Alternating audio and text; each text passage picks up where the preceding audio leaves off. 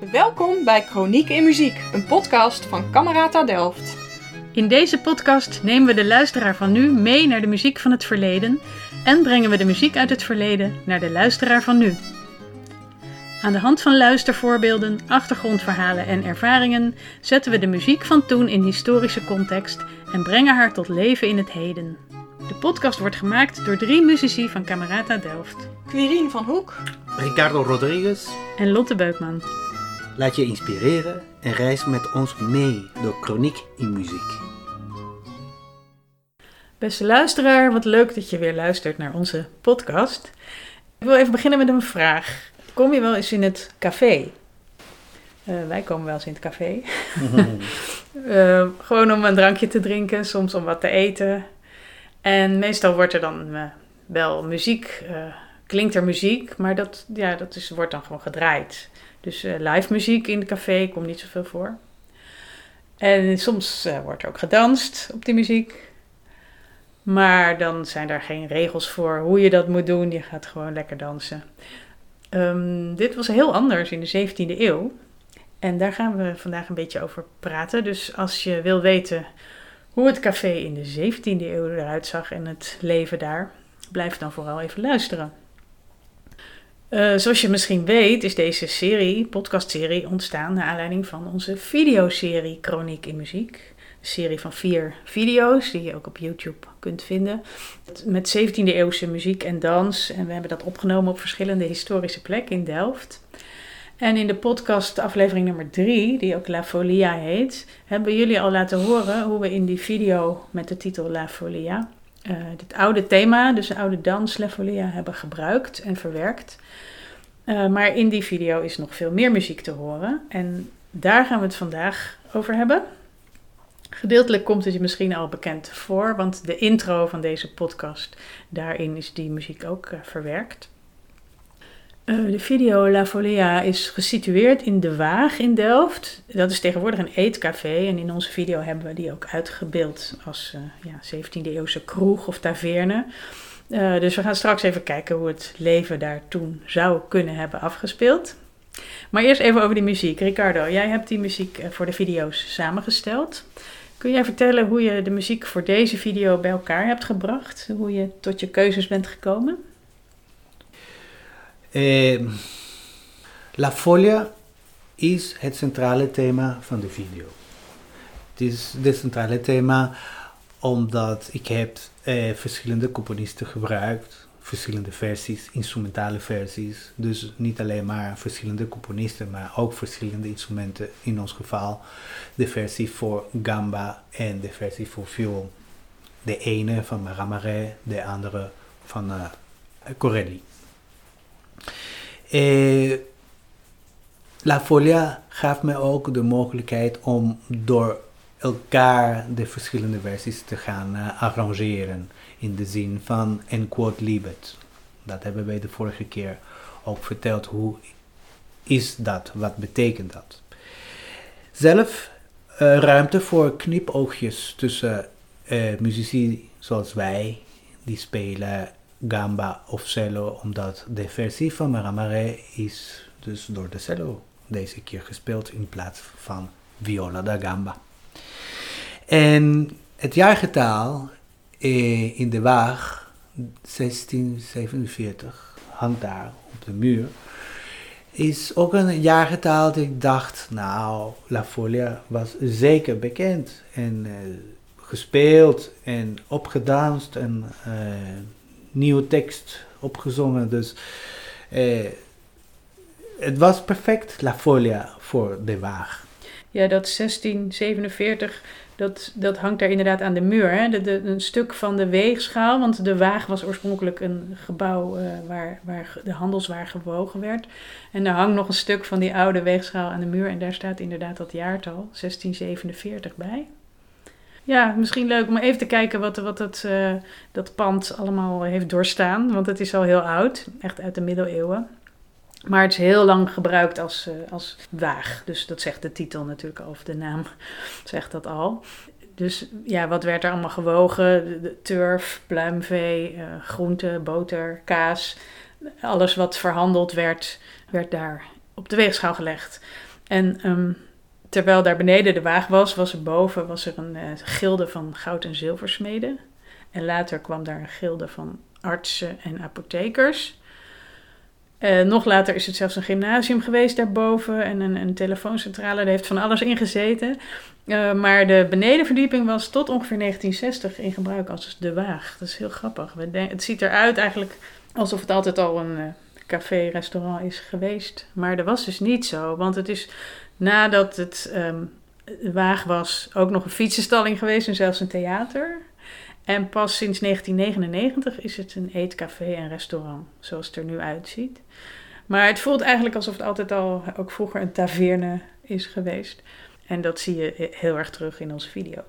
Daarom de combinatie ook met La Folia, want La Folia was toen ook door de eeuwen bekend en uh, gespeeld en uh, door heel veel mensen gedanst of gezongen.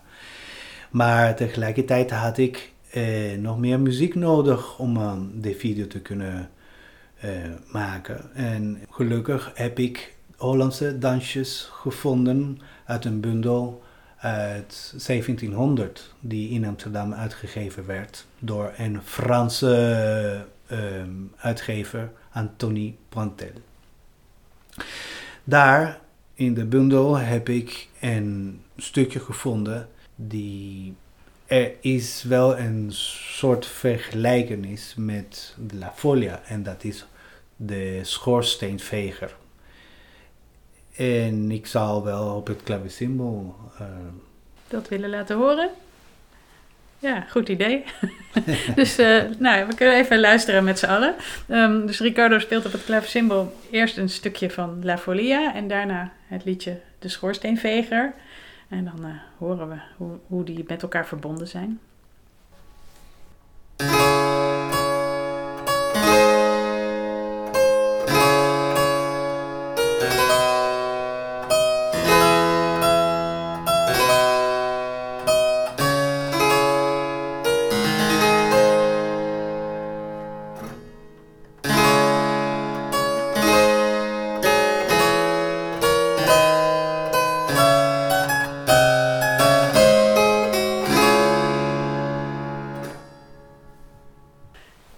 Was dan het dansje De Schoorsteenveger.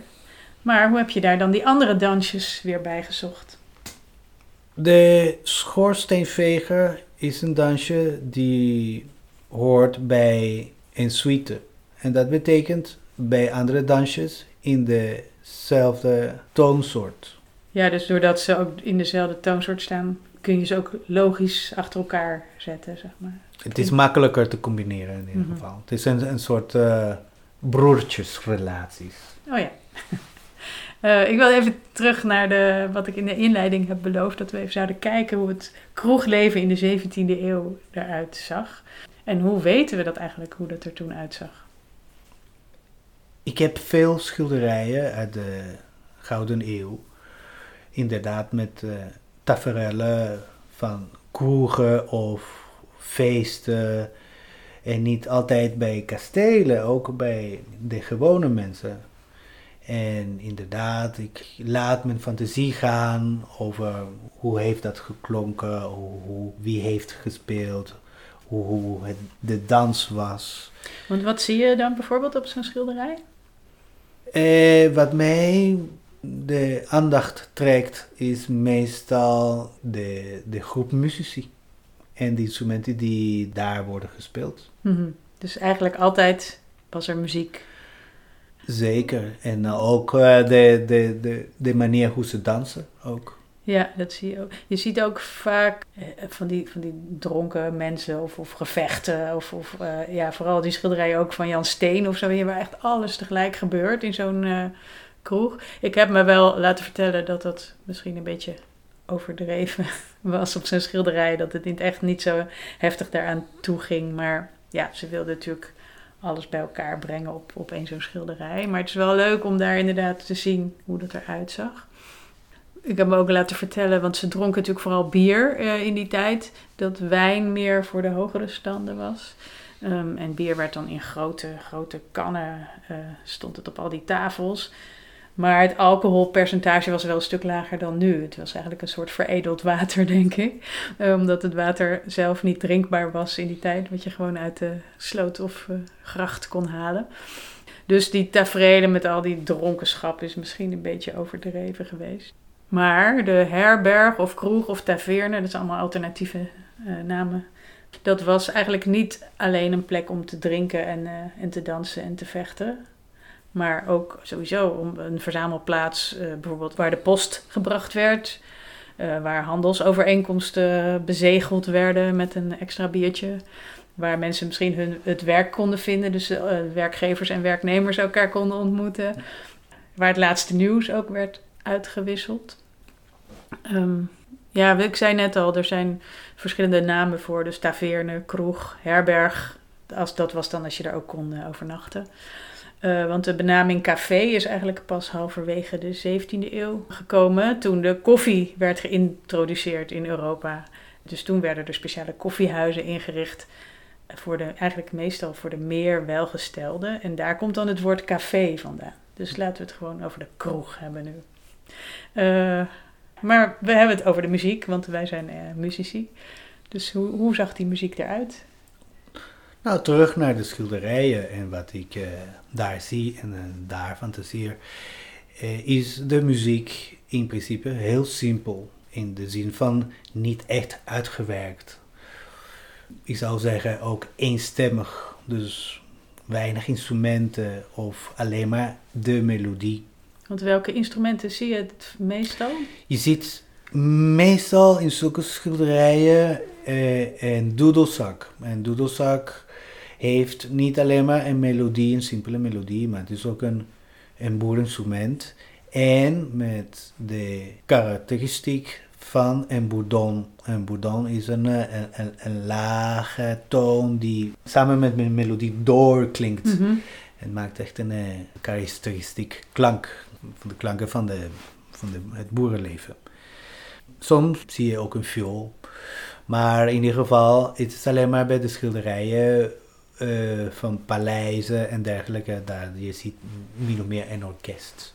Dus uh, dat betekent meer geraffineerd, specifieke soort muziek. Ja, en in de, in de kroeg, viool, doedelzak, dat was het zo'n beetje. Ja. Fluitje af en toe. Ja. Soms wel eens een gitaartje of een, hoe noem je dat, een luid misschien. Of zelfs dat niet. Nee, niet eens. Eigenlijk, dit is echt een, in de, dit soort, dit soort uh, schilderijen, is, is specifiek echt instrumenten die, zeg maar, in die tijd van, van een laag niveau waren eigenlijk. Doedelzak. En uh, ja, viool was toen ook een, een, beetje dubbel. Het was echt uh, niet heel... er waren wel orkesten met violen, maar alleen maar viool was toen echt niet echt soort van de, de beste reputatie. Mm -hmm. Misschien omdat uh, een beetje de reputatie van een instrument van, van de straat. Of uh, ja, een fiddler. Gewoon een, iets die, ja. En wij hebben dat in de video een beetje anders gedaan. Niet zo simpel. Nee, vooral omdat wij uh, uh, muziek van componisten zoals Maramaret en Corelli gebruiken, maar ook de, de Hollandse dansjes van Pantel zijn mooie dansjes met een begeleiding. Dus we gebruiken de cello en het virginaal voor het begeleiden van de melodieën die, en ook de luid.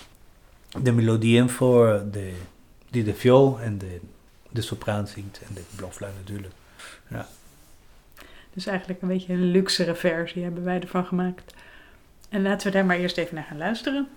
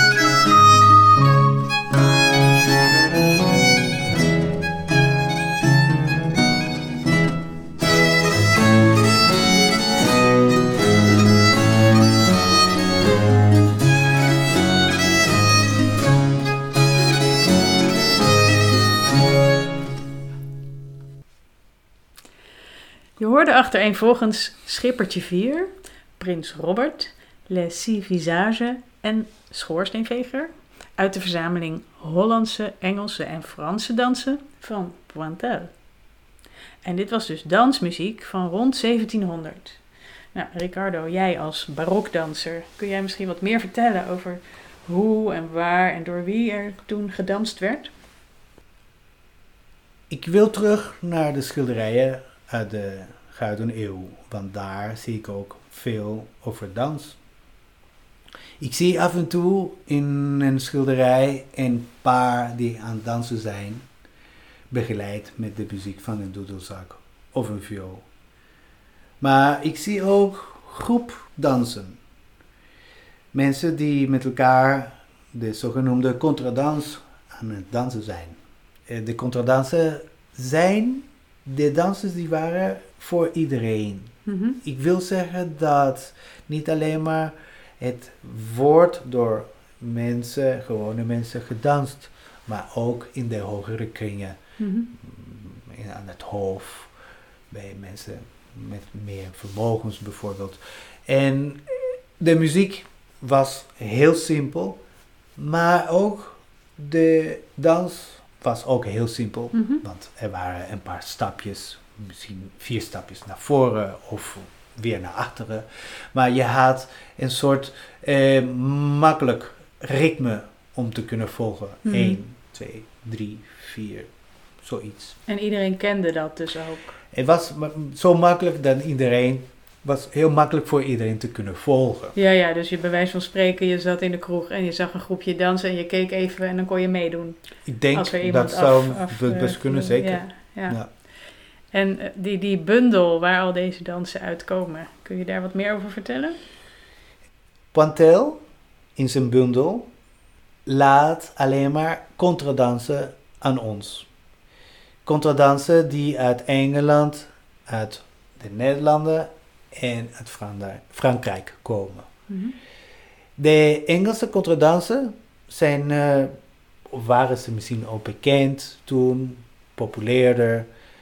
Eh, de Hollandse dansjes, zijn een paar die, melodieën die wel bekend waren, maar meestal zijn onbekend. En het derde gedeelte waren Franse dansen, die vragen eigenlijk meer niveau in de zin van eh, techniek. Dus de choreografie was ietsjes moeilijker. Had je een, eh, een dansmeester nodig. Mhm. Dus een ander niveau van, van dansen. Dus eigenlijk ehm, in deze bundel brengt Pointel de verschillende sociale klassen eh, op dansgebied bij elkaar. Het is een soort bloemlezing van de verschillende soorten dansen uit die tijd. Dat is zo zeker zo. Het is Ja. echt eh, het, eh, het beste manier om, eh, om de bundel te kunnen beschrijven. En zijn er dan ook choreografieën bekend van hoe die dansen gedanst moesten worden? Of was het zo eenvoudig dat iedereen wist hoe het moest? Bij contradansen was denk ik makkelijker om de dans te kunnen onthouden. Want ze waren meestal simpel. Niet alleen maar eh, qua pasjes, maar ook de muziek was ook veel Mhm. eenvoudiger dan andere muziek bijvoorbeeld. Met veel herhalingen. En, eh, Precies. ja, jij hebt ook aan het, aan het eind van concerten bij ons wel eens eh, met het publiek ook zo'n contradans eventjes in een paar minuten eigenlijk al ingestudeerd. eh, zodat iedereen kon dansen. En was het dan ook voorgeschreven voor hoeveel dansers zo'n groepsdans was? Het is fijn om, om, om, om te zien dat eh Pantel in zijn bundel heeft alleen maar bij de Hollandse dansen gespecificeerd hoeveel dansers waren in, in die dans. Dus eh, niet bij de Engelse en ik denk niet bij de Franse dansen, want misschien was het bijna vanzelfsprekend dat de dansjes in het Franse gedeelte waren gewoon etiketten dansen Mhm.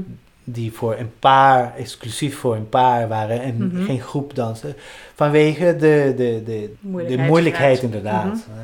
Er was een, een, andere, een andere vertoning hoe, hoe, hoe ging je dansen. Ik denk contradansen in dit geval is meer sociaal. Het ging meer Mhm. voor, voor de gezelligheid. En de, de Franse dansen waren om, om iets meer iets laten zien, iets meer spectaculairs. Ja. En wij hebben ook een dans in die video eh, laten zien, door Jarmila gedanst. En dat is zo'n Franse dans, hè? Die echt een beetje Dit is inderdaad in, in, in, in een Franse dans alleen maar voor een vrouw. En dit is zeker niet eh, eenvoudig. Heb je ook veel techniek nodig. Heb je ook les nodig. Mhm. En de, de dans is ook genoteerd, dus geschreven. Dus er is een specifieke manier hoe jij dit, eh, zeg maar, tot een dans kan brengen. Vanwege de manier hoe jij dat kan schrijven. Met, net zoals in muziek met symbolen. Notatie, ja. notatie. Ja, je hebt dat eigenlijk wel eens laten zien. Dat ziet er heel leuk uit, zo'n tekening met allemaal pijltjes en, eh, en kringetjes. Misschien kunnen we een plaatje ergens plaatsen onder deze aflevering. Ga ik even nazoeken of dat kan. Dus eigenlijk alleen in het Nederlands gedeelte heeft hij specifiek erbij gezet. Hoeveel Voor dansers? Hoeveel? Was het omdat de Nederlanders het anders niet wisten? Zijn die dan eh, misschien... Ik denk dat het, omdat misschien waren ze eh, onbekende melodieën, eh, Aha. onbekende contradansen. En dan was hij eindelijk een, een specificatie. Want eh, in tegenstelling met de Engelse dansen, of de Engelse contradansen, die meer be- die bekender waren, dan had je misschien meteen automatisch hoeveel dansers waren in de, in de dans. Ja. En dus die Nederlandse dansen zijn eigenlijk... Waren minder bekend? Waren ze nieuw gecomponeerd? Ja, nieuw gecomponeerd of eh, door, zelf door Pantel gecomponeerd. Aha. Hij was ook muzikus en violist, dus eh, En de dansen hebben eigenlijk hele grappige titels soms, hè? Kun je daar iets over vertellen? de titels met verwijzingen naar het landelijke leven, molens, vrouwennamen of eh, zelf bier. Ja, ja. En, en Franse titels ook. Ik denk het Franse titels eh, vind je ook in, de, in het eh, Engelse gedeelte. Mhm. En ik denk dat heeft te maken met het feit dat dans heeft veel met Frankrijk te maken. Frankrijk was de, de, het land waar het meest gedanst werd. Ja, ja. En misschien ook, zeker in Nederland was Frans natuurlijk ook de taal voor de hogere klasse, meer welvarende mensen. Dus ook in die zin eh, heeft Pantel die mooie verbinding gemaakt tussen de verschillende sociale lagen. En die, die, composities zijn dus echt als dansen gemaakt, dus niet als liedjes met tekst. Zijn er wel teksten bekend eh, bij die liedjes of werden die later toegevoegd? Zeker bij, bij melodieën die toen bekend waren, maar in eh, ons geval, dus Schippertje of eh, Schoorsteenveger, die ken ik geen tekst. Nee. Maar wel van La Folia. La Folia is inderdaad, omdat het was zo'n eh, bekend thema toen in die tijd, dat inderdaad we, we, we hebben een, eh, een tekst gevonden in het Nederlands op La Folia. Ja, grappig. Dat noem je contrafact, geloof ik. Hè? Dat ze dus op bekende melodieën nieuwe teksten werden gemaakt. Wat we eigenlijk nu nog steeds wel eens doen als je voor, voor bruiloften of jubilea, dan maak je ook een, nieuwe tekst op een oude melodie. Ehm, maar die van La Folia, die wij inderdaad gebruikt hebben in de video, die komt dan uit een eh, zang-slash-dichtbundel uit die tijd. Hemelse Parnassusberg. En die eh, wordt dan gezongen door Querien. Die gaan we nu niet laten horen, want dat eh, kun je, ja, je kunt zelf naar de video gaan en opzoeken en dan eh, hoor je dat ook. Ehm, maar laten we afsluiten met een ander stukje uit de video, dus het Quodlibet, waar we het eerder over hebben gehad. En eh, die in podcast nummer 3 ook helemaal wordt uitgelegd. En daarna gevolgd door eh, La Jalousie. En dat komt dan weer wel uit de bundel van Pointel. Tot de volgende keer. Tot de volgende keer.